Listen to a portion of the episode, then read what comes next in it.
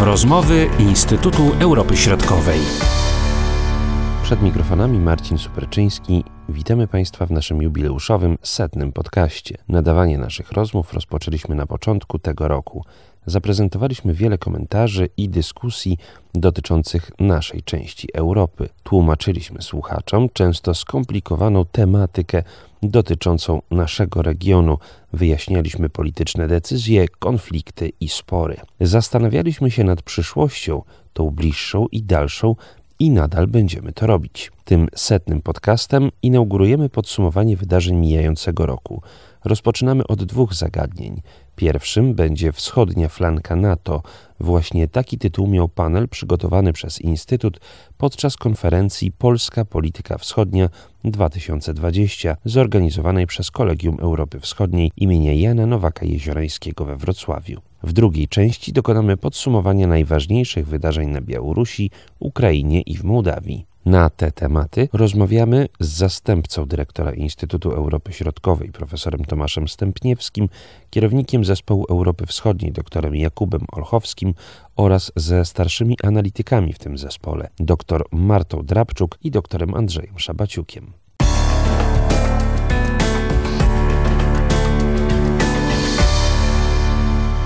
Wschodniej flance NATO był poświęcony panel dyskusyjny zorganizowany przez Instytut Europy Środkowej w ramach corocznej konferencji pod tytułem Polska Polityka Wschodnia 2020. Rozpatrywano to zagadnienie z perspektywy poszczególnych państw. Dyskutowano o przeobrażeniach sił zbrojnych państw nadbałtyckich, o różnym podejściu do Rosji państw Grupy Wyszehradzkiej, Bułgarii, Rumunii oraz Turcji. Zastanawiano się także, jakie kroki w interesującym nas regionie będą podejmowały Stany Zjednoczone.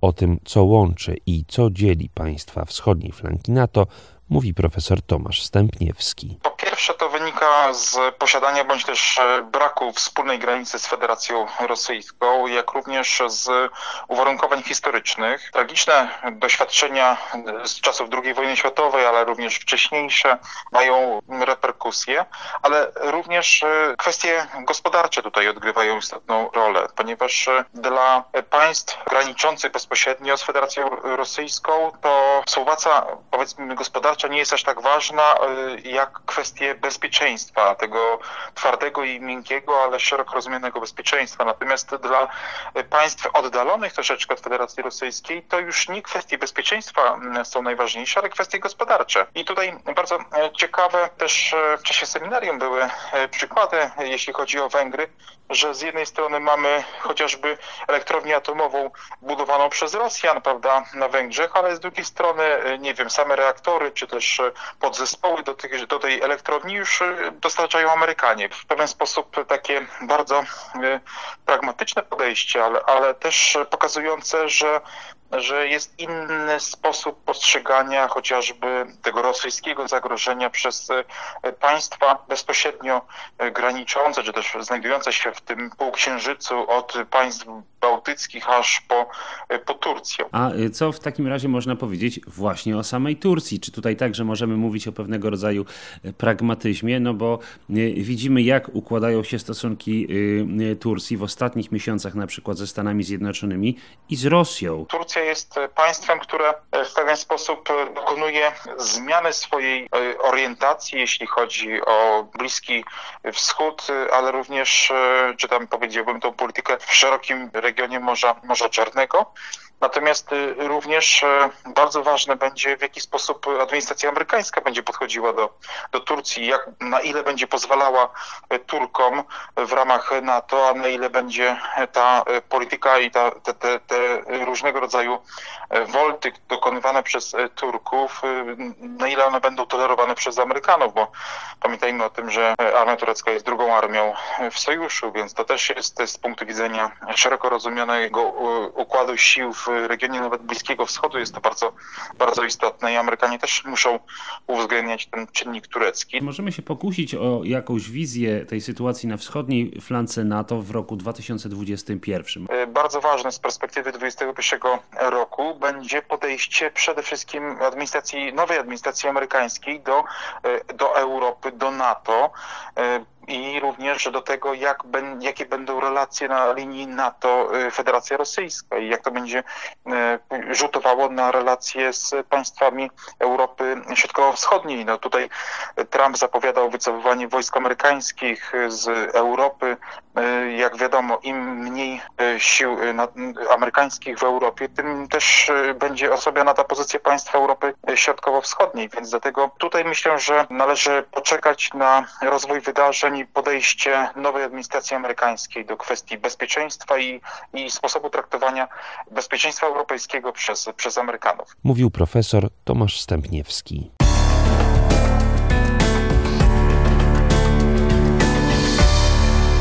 Zaglądamy Białoruś. Najważniejsze wydarzenie 2020 roku to z pewnością tamtejsze wybory prezydenckie. Aleksander Łukaszenka zakpił z obywateli Białorusi i kolejny raz ogłosił się zwycięzcą wyborów, rozprawiając się wcześniej z kontrkandydatami na urząd prezydencki oraz zmusił do wyjazdu z kraju Switłanę Cichanowską, która pewnie wygrałaby wybory, gdyby były uczciwe. Pogarsza się sytuacja społeczna spowodowana powyborczymi protestami i brakiem zaufania do władzy oraz gospodarcza, na którą wpływa dodatkowo pandemia wirusa COVID-19. Rosja z pewnością to wykorzysta, dążąc do jeszcze większego uzależnienia Białorusi lub wręcz wchłonięcia tego kraju. Widmo bankructwa wisi nad Białorusią jak miecz Domoklesa, podkreśla dr Andrzej Szabaciuk. Teraz, jak wiemy, umowy, jeśli chodzi o tranzyt ropy naftowej i gazu i jak to powtarza sam Łukaszenka, że w grudniu zaczynały się negocjacje nerwowe. Białoruś sama nie wie, jakie będą ceny, jakie będą e, koszty, tak? Koszty tej rozmiany szeroko, więc to jest ciekawe, jak, jak te rozmowy się potoczą i czy Rosja po raz kolejny nie będzie chciała jednak tych rozmów połączyć z kwestiami politycznymi i z kwestią przede wszystkim integracji Białorusi i Rosji. Ja myślę, że ten wątek może się przewinąć. Oczywiście może on nie będzie tak bardzo eksponowany, bo Rosjanie też mają świadomość tego, że no nie można w tej sytuacji, gdzie na ulicy ciągle wychodzą tysiące osób, y, drażnić społeczeństwa białoruskiego, bo jednak jak wiemy z nieoficjalnych badań y, opinii publicznej, jednak większość obecnie Białorusinów nie jest za zbliżeniem z Federacją Rosyjską, nie jest za integracją z Rosją, a raczej ten kierunek y, zachodni przeważa integracji. Tym niemniej jednak no, Rosja na pewno z tego nie zrezygnuje, tylko pewnie rozłoży to w czasie i będzie starała się to bardziej delikatnie forsować, bez takich kontrowersji politycznych. Czyli to będzie takie powolne gotowanie żaby, jak to mówią niektórzy badacze. Proces, który będzie wręcz można powiedzieć niezauważalny. Stopniowe e, uzależnienie Białorusi polityczne i reformowanie tych, e, tego systemu wzajemnych zależności ale też gospodarczo coraz bardziej uzależnienie e, energetyki, między innymi białoruskiej, właśnie od Federacji Rosyjskiej. Prawda jest taka, że Białoruś nie ma obecnie alternatywy. Nawet gdyby, gdyby w tym momencie chciała radykalnie zmienić kierunek dostaw surowców węglowodorowych, wiemy, że próbowała tego w tym roku, e, to się nie udało, bo raczej to były symboliczne zmiany niż realna dywersyfikacja. Działania wobec opozycji i wypowiedzi e, Aleksandra Łukaszenki o, o Stanach Zjednoczonych, o Unii Europejskiej, między innymi o Polsce, o Litwie, no, e, podkopały jego autorytet w tych państwach, utrudniły mu możliwość szukania alternatywy politycznej dla zbliżenia, dla zbliżenia z Federacją Rosyjską. Tak więc no nie jest to scenariusz, można powiedzieć, optymistyczny także z punktu widzenia Polski, ponieważ takie stopniowe wchłanianie Białorusi przez Rosję jest skrajnie niebezpieczne z punktu widzenia naszego bezpieczeństwa międzynarodowego i no, Polacy oczywiście mają tego świadomość, próbują temu przeciwdziałać. E, tak, taką próbą był właśnie ten plan, który opracował nasz premier, plan dla Białorusi.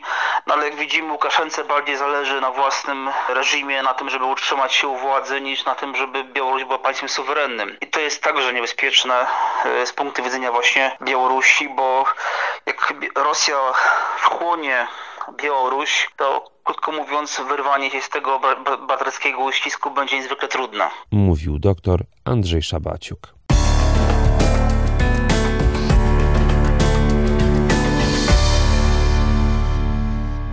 Sporo interesujących wydarzeń na Ukrainie, chciałoby się dodać jak zwykle. Ostatnio Sąd Konstytucyjny uznał, że ponoszenie odpowiedzialności za nieprawidłowe zeznania podatkowe są niezgodne z konstytucją. Tym orzeczeniem zablokowano elektroniczny system zeznań podatkowych i pozbawiono Narodową Agencję do Spraw Zapobiegania Korupcji możliwości kontrolowania przechowywania i udostępniania deklaracji. Orzeczenie wywołało kryzys konstytucyjny i podważyło relacje ze światowymi instytucjami finansowymi. Prezydent Ukrainy Wołodymyr Załański próbuje gasić ten polityczny pożar. Jak skutecznie? Odpowiadamy z dr Martą Drabczuk. Chodzi o decyzję Załańskiego, no to tutaj trzeba przyznać, że ostro stanął e, prawda, e, wobec tego, żeby odwołać wszystkich sędziów, aczkolwiek oczywiście e, taka procedura odwołania no, jest też określona w, w konstytucji Ukrainy, więc de facto Rada Najwyższa nie ma takich uprawnień, natomiast prezydent jakby przewidział też, żeby opracować takie rozwiązanie prawne, które pozwoli przywrócić ten stan odnośnie odpowiedzialności karnej za składanie tych fałszywych deklaracji do, tego, do tej starej redakcji kodeksu karnego, czyli tak naprawdę zaapelował o przywrócenie wszystkich uprawnień, które, y, które NASK, czyli ta właściwie Narodowa Agencja do Spraw Zapobiegania Korupcji, ale także, e, także y, NABU, y, żeby im te, te uprawnienia przywrócić, ponieważ to są dwa filary de facto całego systemu antykorupcyjnego Ukrainy. Do Rady w tej chwili wpłynęło 13 projektów, prawie od każdej frakcji parlamentarnej i te projekty przewidują różne rozwiązania co do wyjścia z kryzysu konstytucyjnego. Projekt ustawy prezydenta Zełenskiego o tym wygaszaniu uprawnień sędziów w obecnym składzie Sądu Konstytucyjnego tak naprawdę nie jest brane pod uwagę, ponieważ ono jest sprzeczne z ustawą e, zasadniczą, prawda, z konstytucją i, i też z innymi e, ustawami, które tak naprawdę określają tryb powołania i wygaszania sędziów e, Sądu Konstytucyjnego. Natomiast ta, ten projekt, który jest wniesiony przez, przez Dmytra Razumkowa, to jest przewodniczący Rady Najwyższej, jest brany pod uwagę, czyli de facto obecnie w ramach, w ramach rozwiązania tej sytuacji, prawda, wyjścia z kryzysu powstała w Radzie grupa robocza. Ta grupa robocza składała się, składa się z 11 deputowanych.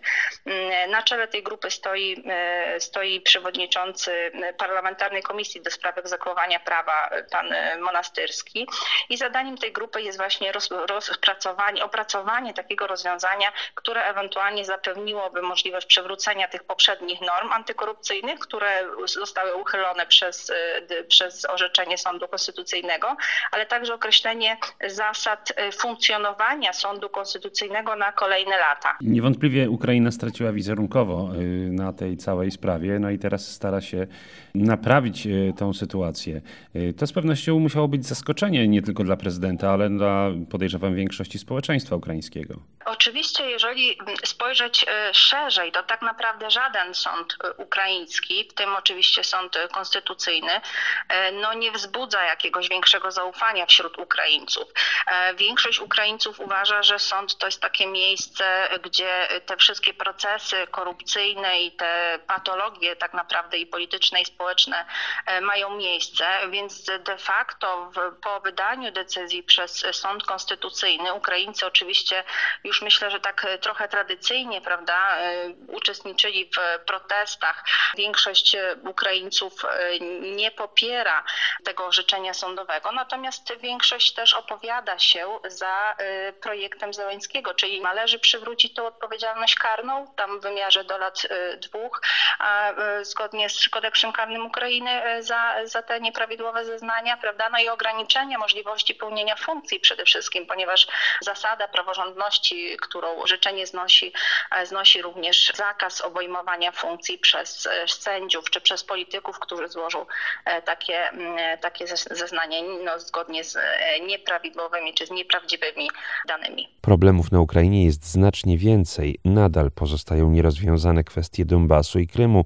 Udało się jednak uchwalić m.in. ustawę o obrocie ziemią, ustawę bankową, przeprowadzana jest także reforma decentralizacji państwa, mówiła dr Marta Drabczuk.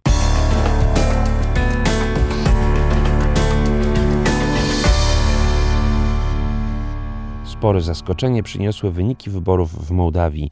Nowym prezydentem tego państwa została Maja Sandu, która pokonała urzędującego do tej pory prezydenta Igora Dodona. Na nową prezydent zagłosowali obywatele Mołdawii przebywający za granicą i to była decydująca siła, która wpłynęła na końcowy wynik wyborczy. Nowa prezydent opowiada się za integracją z Zachodem. W kampanii zapowiadała, że nie można się spodziewać szybkiego polepszenia sytuacji. Mołdawię czeka długa droga do lepszego jutra i na tę drogę zdecydowali się wyborcy, co uważa dr Jakub Olchowski. Co jest też to jest bardzo ciekawe i warto, warto podkreślić. Cztery, cztery lata temu, podczas poprzednich wyborów, e, dokładnie taki sam, taki sam zestaw był kandydatów, to znaczy był Igor Dodon i Maja Sandu. Ona od tamtej pory nie tylko nabrała doświadczenia, zresztą ona była i, i minister edukacji narodowej i pracowała też za granicą i ona była przez, przez, przez pewien moment, była także premier Mołdawii. E, ona nabrała doświadczenia politycznego, ona okrzepła, e, a także nauczyła się rozmawiać z ludźmi. Poza tym jest bardzo dobra medialnie, jest e, dobrze wypada w, w mediach, potrafi się nimi posługiwać. W przeciwieństwie do Igora Dodona, który raczej ma charyzmę i aparycję bliższą Aleksandrowi Łukaszence. Chociaż co jest ciekawostką, Igor Dodon jest młodszy niż, niż Maja Sandu. Tak, ona nie obiecywała gruszek na wierzbie, być może dzięki temu wygrała, bo, bo, bo, musimy być świadomi tego, że Maja Sandu wygrała przede wszystkim dzięki głosom diaspory. E, diaspory mołdawskiej e, szacuje się, czy policzono, że ponad 250 tysięcy głosów e, e, Maja Sandu uzyskała za granicą, a wszystkich głosów uzyskała około miliona. 250 tysięcy to jest rzeczywiście bardzo dużo. Pamiętajmy też, trzeba wziąć pod uwagę, że diaspora, po pierwsze to są ludzie, którzy w ogromnej mierze utrzymują Mołdawię, bo według Banku Światowego 16% PKB Mołdawii Mołdawii to są, e, to są właśnie przelewy, które trafiają od, od, e, od emigrantów do Mołdawii, to raz, a po drugie ci emigranci to są w dużej mierze ludzie młodzi. Wśród tej diaspory mołdawskiej, która jest bardzo liczna także w Rosji, to tam to w ogóle oddano kilkanaście tysięcy głosów. To, to, jest, to jest porażka. Ci ludzie zazwyczaj głosowali oczywiście na kandydatów prorosyjskich, a tym razem praktycznie nie wzięli udziału w wyborach i co znamienne, nawet wśród tych ludzi aż 25% głosowało też na, na Maję Sandu.